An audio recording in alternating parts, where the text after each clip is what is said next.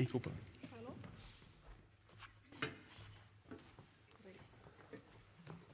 Ja vel, god formiddag, alle sammen. Jeg håper du har det bra.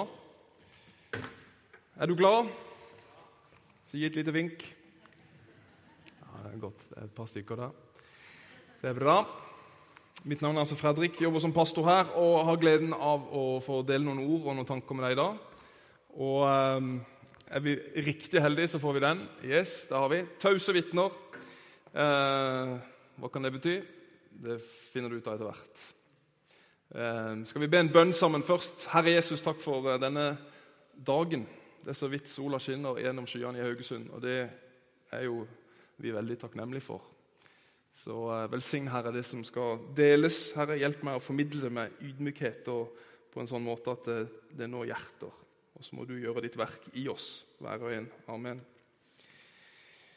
Jeg så, jeg er så møkk lei eh, dårlige nyheter.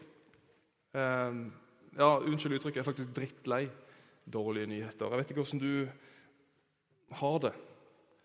Eh, når du leser nyhetene og ser eh, aviser eller på TV. Men eh, jeg er så lei av dårlige nyheter. Og det er ikke fordi at jeg på en måte prøver å unngå hvordan verden faktisk er. Det er klart det er mye dritt i denne verden. Jeg er faktisk sønn av en journalist, og fra jeg var ung så lærte jeg tidlig at vi må se på nyhetene og vi må, vi må, vi må lese aviser. Men nå tror jeg faktisk min far også begynner å se at nyhetene har en eller annen slagside. Det er for negativt. Det er for mye dårlige nyheter, og det er rart at, at folk blir stressa og nedtynga med bekymringer. og Det er så negativt. Og man kan jo faktisk begynne å lure fins det noe godt i denne verden. Er det noe håp? Sånn kan jeg sitte når jeg leser aviser. Jeg savner gode nyheter. Men så er det kanskje sånn at gode nyheter det, det selger jo ikke. Det er derfor ikke det står så mye om det. eller vi hører så mye om det. Det selger rett og slett ikke. Vel, med et par unntak, selvfølgelig, så, så selger det. Så her er det jo torsdagens avis. Hvis det, hvis det meldes fint vær, da kjøper vi avisa. Enig? Nå kommer våren, greie. Det er jo gode nyheter. Da kjøper vi aviser, eller da leser vi artiklene på nettavisen. Um, eller en annen ting hvis, hvis det, Nå kommer kanskje ikke den helt fram på bildet her, det var dårlig gjort av meg, men hvis det er lovnader om kort vei til helse sant? Hvis ti, ti, enkle grep til uh, sånn og sånn bli, tre, bli, supertrent på to uker eller noe sånt. Um, eller tablettene som gir deg muskler, eller you, you, name it. Sånne, sånne, helseråd som gir oss en, en, en snarvei til god helse, det, det selger òg avis, tenker jeg. Men, men noe no, no mer enn det det vet jeg ikke om det er så mye positivt av i nyhetene. Eh, ellers er det stort sett fullt av kriser og konflikter og tragedier. Og det er endeløst. Altså, jeg kan huske før i gamle dager De venstre, venstre i salen her, de ler. Eh, det er de eldste. Men uh, de, ja, i gamle dager For 20 år siden da, så var det alltid sånn at på helgenyhetene da var det alltid på slutten av nyhetene så var det en sånn moro, god, god, god, godt nytt-sak. Kan jeg huske det? Eh, det var, det var sånn, en eller annen tullereporter som var og besøkte noen, eller et eller annet i et hjem. Eller, så det var alltid en sånn nyhetssak med et smil om munnen. Selv det vekker nå. Jeg syns ikke å se det lenger. Det er på en måte ribba for alle disse her godsakene i, i nyhetene. Vi må se Norge Rundt eller noe sånt, skal det bli noe. Men er det blitt sånn at ikke vi ikke trenger gode nyheter lenger? Eh, for et par uker siden så var jeg på vei hjem fra Wales sammen med en gjeng blant annet fra denne menigheten. Vi sitter i en minibuss. Vi er på vei eh, eh, mot eh, flyplassen i Cardiff. og da kommer det en telefon, Jeg sitter langt bak i bussen, og da kommer det en, en, en telefon dansende fram eh, til der jeg sitter. og ser på dette, sier eh, bestemora i bussen. Og det, Denne videoen viser da en, eh, en video av Olivia på tre år, hennes barnebarn, som da sjangler nedover en gang. Barnet er sykt, det har de visst en stund, og nå klarer ikke barnet å gå. Så nå er det inn til MR. Tror vi tror det er hjernesvulst, sier hun til meg med tårevåte øyne. Og I løpet av denne bussturen, som tar bare et par timer, så, så, får, vi, eh, så får, vi, vite at hun eh, må eh, hasteopereres. Det er påvist hjernesvulst eh, på lillehjernen, og hun må innlegges på Rikshospitalet. Eh, og Om det er ondarta eller om det er godarta svulst, det vites ikke. Og jeg skal love deg, Det ble en lang tur hjem for bestemor og bestefar og for oss andre som er pårørende her. Etter et par dager så blir hun operert, og da er alt fjerna. Og Så har de tatt prøver av denne svulsten, og om det er gode arter eller onde arter, det vites ikke. og må ha videre behandling, det vet de ikke. Så begynner denne ventinga. Og så Torsdag da, 14. mars, 14. mars så får jeg melding fra bestemor. Olivia trenger ikke store bokstaver, cellegift og videre behandling. Alt har gått over all forventning. Og så er det tre hjerter, og det er halleluja, og det er takk Jesus. Det er gode nyheter. Fantastisk gode nyheter. Og for en glede det var. Vi trenger gode nyheter. Det er klart vi gjør det. Og det er sånn at Jesus kom også med gode nyheter. Jeg vet ikke om du har lest det.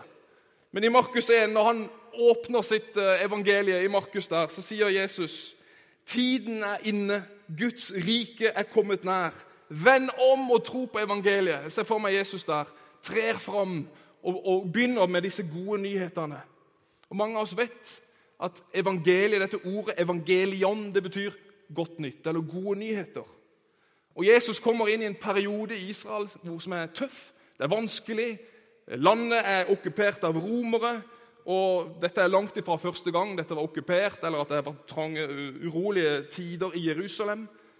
Jerusalem har en, en, en historie som er full av problemer, men også mange løfter fra Gud.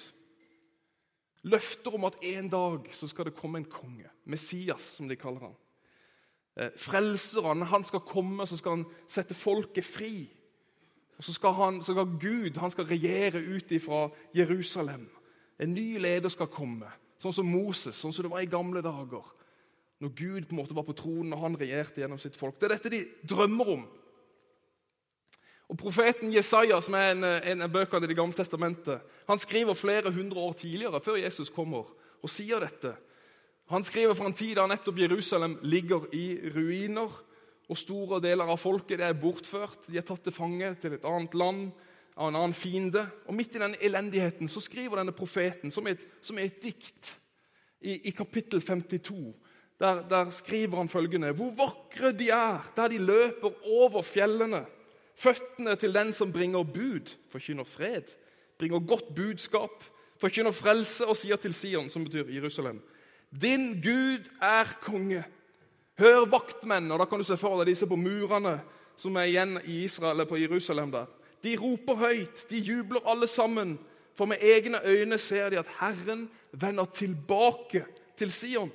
Bryt ut i jubel sammen, dere Jerusalems ruiner. For Herren trøster sitt folk. Han løser Jerusalem ut. Han viser sin hellige arm for øynene på alle folkeslag. Hele jorden får se frelsen fra vår Gud. Voldsomt flott beskrivelse og flotte ord. Denne profeten han ser dette, og han skriver det ned. Og Selv om det er lenge før, dette er skrevet lenge før Jesus kommer på banen, så er det disse, annet disse skriftene som blir oppfylt når Jesus kommer og sier tiden er inne. Budbringerne er endelig framme. Tiden er kommet, og folket har venta. De har venta lenge og så Plutselig så dukker det opp en snekker fra Nasaret som begynner å rope tiden er inne. Tro på evangeliet. Seriøst? Skal vi tro denne mannen? Er han gal? Er han sann?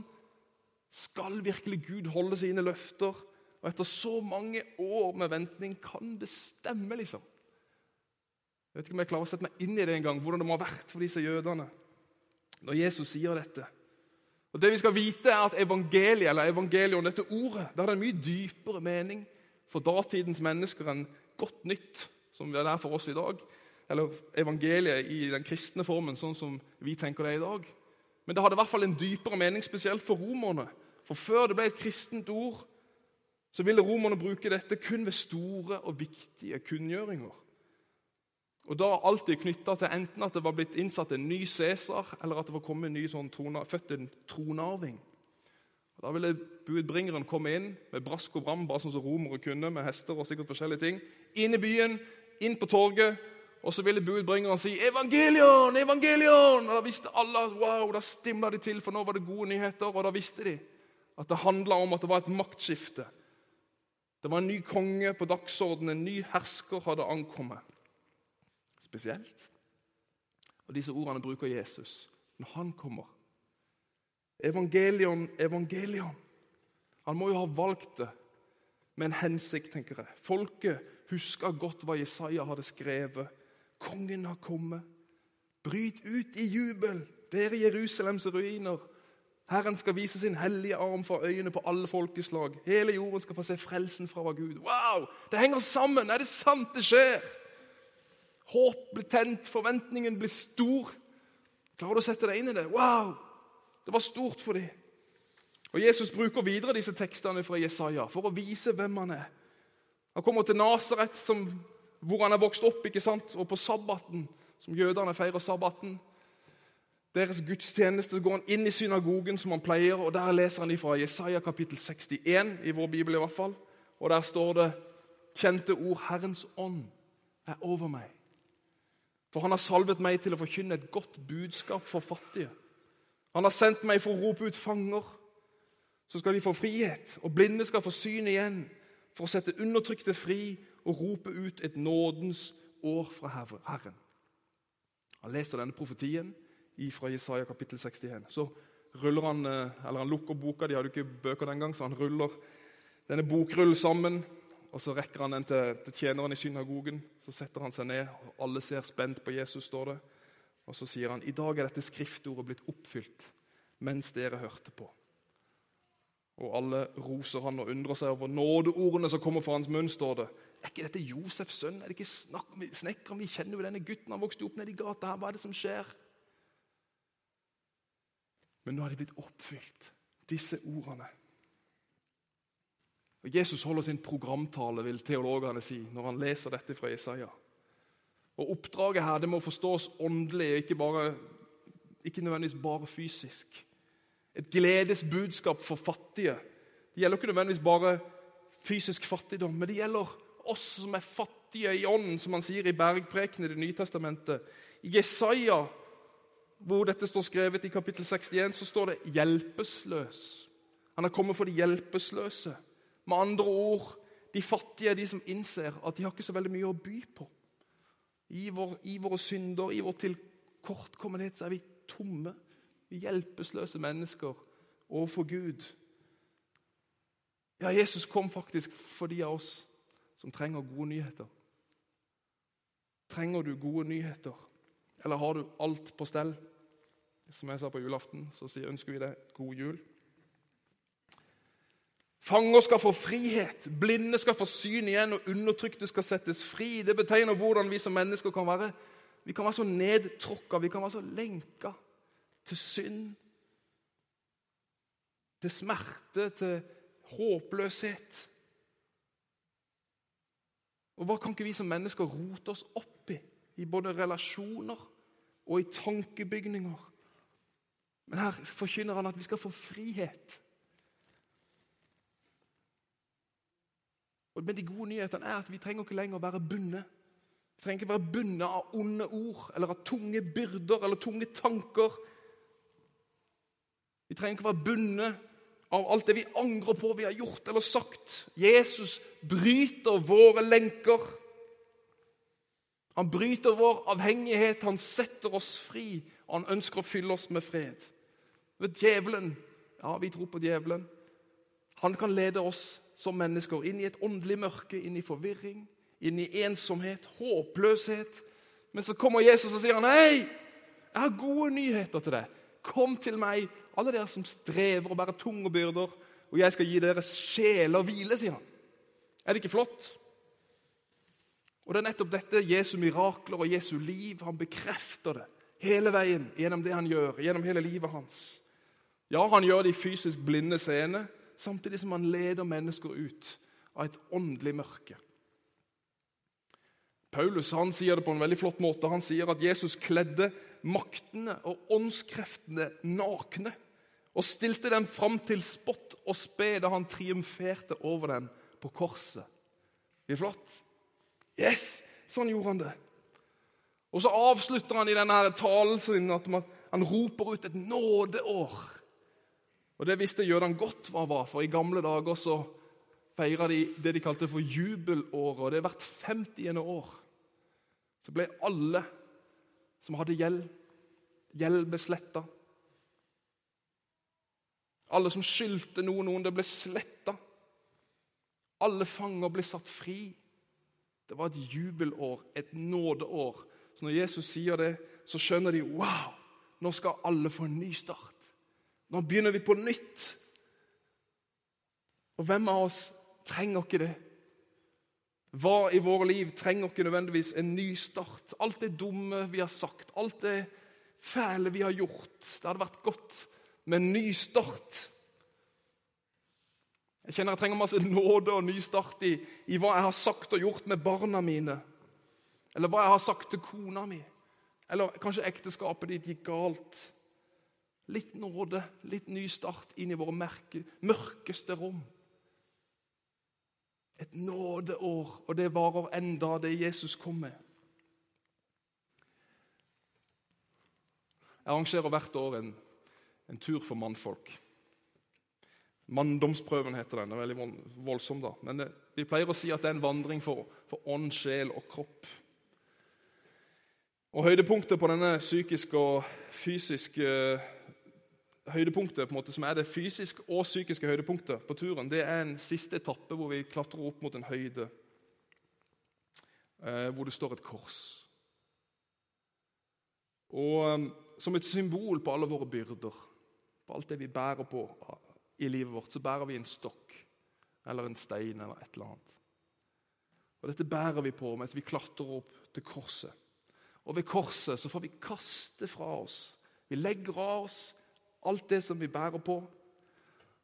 Og der de fleste av oss helt utslitt og hjelpeløse, så, så bare slenger vi oss ned foran korset. Utrolig sterk symbolikk på akkurat det vi snakker om her. Der tømmer vi oss for dritten fullstendig. Der brytes lenkene, og der mister mørket sin kraft. Og Der finner vi nåde, og vi finner oppreisning. Og korset det roper ut nåde til oss der, på høyden. Så vi tripper veldig lett ned igjen på den toppen, som regel. Men denne turen er også for de som ikke tror på en frelser. Og De klatrer opp på en annen topp like ved. Men på denne toppen så står det ikke noe kors. Men de gjør akkurat det samme. De bærer sine byrder. Og når de kommer opp på toppen, så de kan de ikke gjøre noe annet enn å kaste stokken inn i skogen. Og For de aller fleste da, så snur de seg så ser de hen på toppen, der vi ligger for korset og gråter, og kan kaste våre ting på. Og Da går det opp for dem hva det er å være en kristen. Hva dette nådeåret handler om, og hva evangeliet er for noe. Og De aller fleste ønsker å gå ned og opp den andre veien, og også få lov til å være rundt dette korset. Evangeliet er at Gud elsker verden. Han elsker oss. Han elsker deg. Og den gode nyheten er at du, verken du eller denne verden er overlatt til seg sjøl. Gud har grepet inn. Gud ble menneske. Han gikk omkring og gjorde godt. Han gjorde syke friske, han tilga synd, han satte folk fri fra onde makter, og han fører oss ifra mørket til lyset. Og Det kunne ikke blitt bedre nyheter folkens, enn dette. Jesu gode budskap og gjerninger deler vår historie i to. Ingen, ikke noe menneske i denne verden har hatt så stor innflytelse på det som skjer. Han var mer enn en politiker som prøvde å sanke stemmer. Han levde det han forkynte. Jesus Kristus. Det er kraft i evangeliet. I forberedelsene til denne talen så, så ringer det en, en, en, venn av meg som ikke jeg snakker med så veldig ofte. Og Noe av grunnen til det er at uh, kona hans har vært psykisk syk i mange år. Så måttet, Hele familien har måttet bare kutte alle relasjoner og bare fokusere på å overleve. Han har gått på jobb og han har vært hjemme for å holde og bevare freden i hjemmet. Og På fredag så forteller han at mye har skjedd siden sist. Jeg hører det optimisme i stemmen hans. Det jo lenge siden sist. Og Jeg var ikke klar over det, men han forteller det at kona hun har um, i mange år brukt alternative metoder for å bli frisk. Hun har brukt sånn pendel og rituelle steiner og brukt sånne tarotkort og forskjellige måter. Og Bokhyllene har vært fulle av New Age-litteratur. Og uh, hun har brukt mye veiledning eh, fra en, eh, en guru, New Age-guru. Hun hadde fortsatt troen på Gud, men, men, brukte det hun vil kalle for hjelpere for å bli frisk. Og Min venn han er en hengitt, en veldig reflektert kristen. Um, og Hva gjør du når kona velger å gjøre dette? Um, jeg vet ikke hva jeg hadde gjort. Men Gud sier til min venn, ikke bli redd. Ikke bli redd. Så han lar henne holde på. Og Så forteller han at det siste året så er denne guruen som har hatt stor innflytelse på, på kona hans, har møtt Jesus. Denne guruen som har mange mange følgere, har møtt Jesus. Har fått høre de gode nyhetene fra evangeliet og har bare snudd om fullstendig. Og nå forkynner denne guruen da evangeliet til alle sine følgere. Og for denne kvinnen da, som i utgangspunktet var en kristen, blir helt sjokkert, helt satt ut, når hun får høre sannheten om hva evangeliet egentlig er. Plutselig i dag så, så, kommer hun til han, og så sier hun at eh, nå er, det, nå er det slutt. Nå må alt dette New Age ut. Jeg har møtt Jesus. Så brenner hun alle bøkene og kaster alt ut. Alt må vekk. Og så sier hun at eh, jeg har lyst til å gå på møter. Ja vel, du har lyst til å gå på møter? Ja, vi må finne oss en menighet. Ja vel.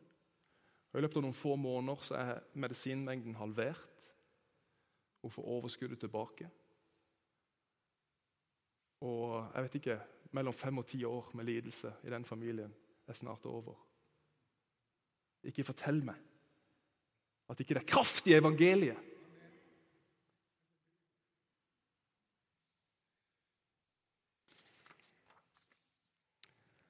Det har så enorm verdi. Det er det beste. Det er det beste som fins, for å si det enkelt. Og så sier Jesus Og nå kommer jeg til dagens poeng. Vi er snart over. Og det er dette. Såkalte misjonsbefalingen, som kommer i forskjellige varianter og står slik i Markusevangeliet. Gå ut i hele verden og forkynn evangeliet for alt som Gud har skapt. Og Jeg sa det sist når jeg forkynte her for 14 dager siden, at vi er utsendinger. Du er sendt hvis du er en kristen. Så er du sendt av Jesus. Du er hans representant. Og slik Faderen har sendt meg, sier Jesus, så sender jeg dere. Forkynn evangeliet. Forkynn de gode nyhetene. Dere skal være mine vitner, sier han. Og vitner, hva er det? Jo, vitner, Nå bruker vi ordet vitne. Jo, det er jo i rettssak. og er hva gjør et vitne? Jo, det forteller jo om hva det har sett og hørt. Det forteller hva det har erfart. Og For de første kristne så var dette ren ABC. Det var på en måte en del av det de gjorde. Det var en del av deres identitet. Selvfølgelig er en kristen en del av jo, Jeg er jo et vitne. Så de fortalte evangeliet hvor enn de gikk, og tross motstand så kunne de ikke la være, står det i apostlenes gjerninger. De kunne ikke stoppes, de var så glad, de var så oppstemt. Dette er fantastiske nyheter. så de, Evangeliet gikk jo fram som Ild i tørt gress. Ja, Evangeliet hadde jo ikke hatt slik eksplosjonsarta fremgang om ikke det var for alle som vitna. Og Så hører vi om alle martyrene i den første kristne tid. Visste du at martyr det betyr egentlig vitne? Martys det er det samme ordet. Vitne betyr det. Og Så sier Tertulian, en av kirkefedrene, han sier at eh, at martyrenes blod er kirkens såkorn. Det Er noen som kan det? Tenker jeg, å, Kirkens såkorn, ja, martyrenes blod. Men tenker jeg, det handler ikke bare om at de ga sitt liv. Det, det er fjern for de fleste av oss. Men i hvert fall det de gjorde, var at de vitna. Altså såkornet. Såkornet er vitnesbyrdet. Det er ordet om Jesus. Det er det som er såkornet. Så hvordan er det med oss i dag? Hvordan er det med deg, du som er troende her? Du som har møtt Jesus. Kanskje du har levd med han i mange år. Hvordan er det med oss? Dagens utfordring er om ikke du og meg deler evangeliet. Hvem skal da gjøre det? Vi lever jo i et fritt land. Det er riktignok sekulært, men mange nordmenn er veldig åpne for det åndelige i dag. Allikevel så frykter de fleste av oss å ta opp temaet. Vi syns det er vanskelig. og Jeg er helt enig med Marit, som innleder også. det er Av en eller annen grunn så, så, så, uh, syns vi det er vanskelig. Og troen er blitt pressa inn i den private sfæren. Vi våger ikke snakke om det. Og så går vi heller rundt daglig, da, masse mennesker. Vi går tause rundt masse mennesker som trenger å høre disse gode nyhetene. For bak alle disse flotte fasadene, alle disse flotte hagene og husene, så er det mange sånn som er det. Akkurat sånn som er det. Vi lider. Vi lengter etter noe mer. Vi trenger håp. Men om alt de ser på, er nyheter, om alt de leser, er nyheter, så er det ikke mye håp igjen, tenker jeg. Paradokset er jo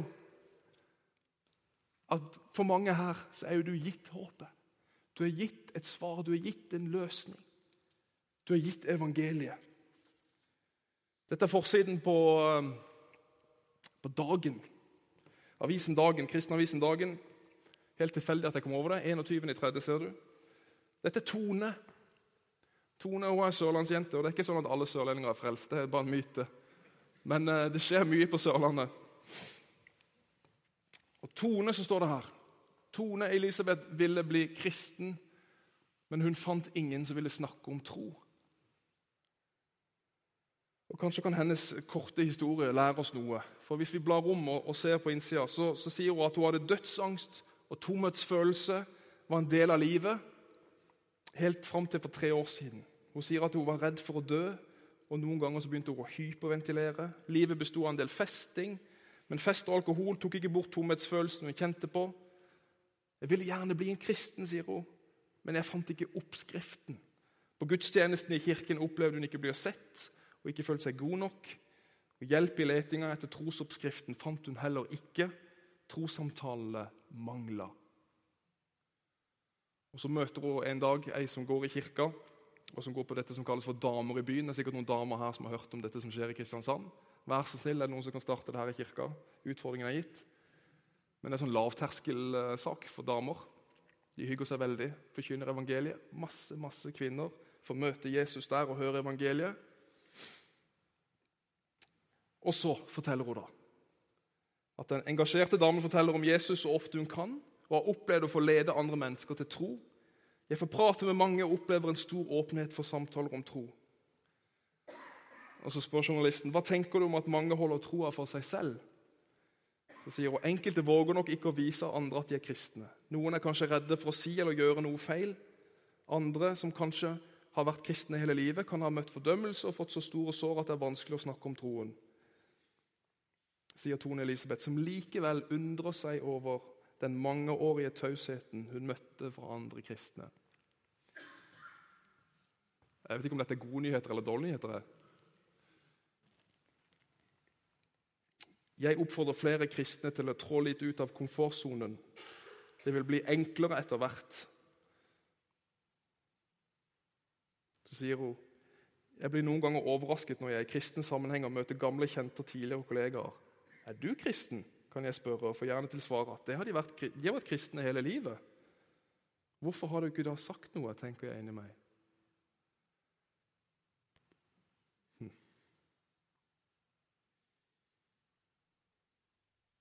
Hva gjør at du tør å spørre og fortelle? Jo, jeg tenker at Jesus faktisk døde for meg. Da må jeg tørre å fortelle andre om han. For meg er det ikke verre enn at jeg kan få et nei. Og så sier hun til slutt dessuten jeg er stolt av å være kristen. Jesus sender oss, men vi gjemmer oss. Vi blir så fort tause vitner. Og Vi har sikkert tusen gode grunner, og jeg har valgt å ikke gå inn i det i dag. Men vi har sikkert mange grunner til det. Men poenget mitt er at evangeliet har så enormt stor verdi. Og det mest dyrebare vi har. At kanskje må vi slutte å se inn i oss sjøl og tenke på alle de tusen grunnene til ikke. Og heller se på den verdien det har for mennesker. Og satse på Ok, nå går jeg bare og jeg prøver meg, og jeg tror det ligger en sånn enorm velsignelse i det, fordi vi er sendt. Du er sendt, Og du skal erfare at du er sendt, og at Gud er der og gir deg det du trenger til enhver tid. Til slutt Jeg fikk en mail på jobben for et par år siden. I emnefeltet så sto det 'Hva vil du råde moren å gjøre?' Og Så fortelles det en historie fra Sentral-Asia om eh, en mor som eh, står i et dilemma. Eh, de har et barn på syv-åtte år, skolealder. De bor i et land i Sentral-Asia hvor det er farlig å være en kristen. De driver en hemmelig husmenighet. Og denne gutten som er seks-syv år, han er en glad kristen, synger kristne barnesanger. og liksom, ja, Jesus er jo, er jo så fantastisk. Så Han synger her og der, og blant annet så synger han i en taxi på vei hjem en dag. Så taxisjåføren hører at det er kristne barnesanger, så han melder jo til politiet. Det er kanskje vanskelig å forstå for oss, men da blir de på en måte over, under overvåkning med en gang. Eh, og Derfor må de være veldig forsiktige. En dag så spør denne gutten mamma, eh, kommer alle naboene våre her og mine venner i klassen kommer de til himmelen. Sånne gode barnespørsmål. Og Da sier jo mor at man hva skal si nå? Jo, jeg må jo si det at det er ved å kjenne Jesus at du kommer til himmelen. Og Da går det opp for denne gutten at Mamma, da må jo jeg fortelle alle om Jesus, da! Jeg vil jo ha med meg alle til himmelen! Men så kommer da spørsmålet og fortvilelsen til mor. Hva skal jeg si til denne gutten? Sier jeg nei, du må ikke si noe, så vil denne gutten vokse opp uten å lære å dele evangeliet. Men hvis jeg, sier, hvis jeg lærer han det, så får vi problemer. Den mailen kom i min innboks. Hva ville du ha sagt til mor? Hvilket råd ville du ha gitt henne? For de var det så verdifullt at gutten lærte det vel evangeliet. At for henne var det faktisk et reelt spørsmål. Skal vi be sammen? Jesus, takk. Jeg har lyst til å takke deg, Herre, for det du har gitt oss. Og så ser du mange av oss har gjerne vokst opp i dette. Herre. Vi, eh, vi har nytt mye av dette gjennom mange år, og så har vi kanskje ikke hatt frimodigheten til å dele. Herre. Vi skulle ha gjerne delt, men har ikke gjort. Og du ser kanskje mange som kjenner seg veldig utfordra i dag, Herre, inkludert meg sjøl. Men Herre, du som sender oss, du som kjenner oss, Herre, må du hjelpe oss med din nåde og med din kraft Herre, til å være vitne for deg. Hjelp oss, Herre. Amen.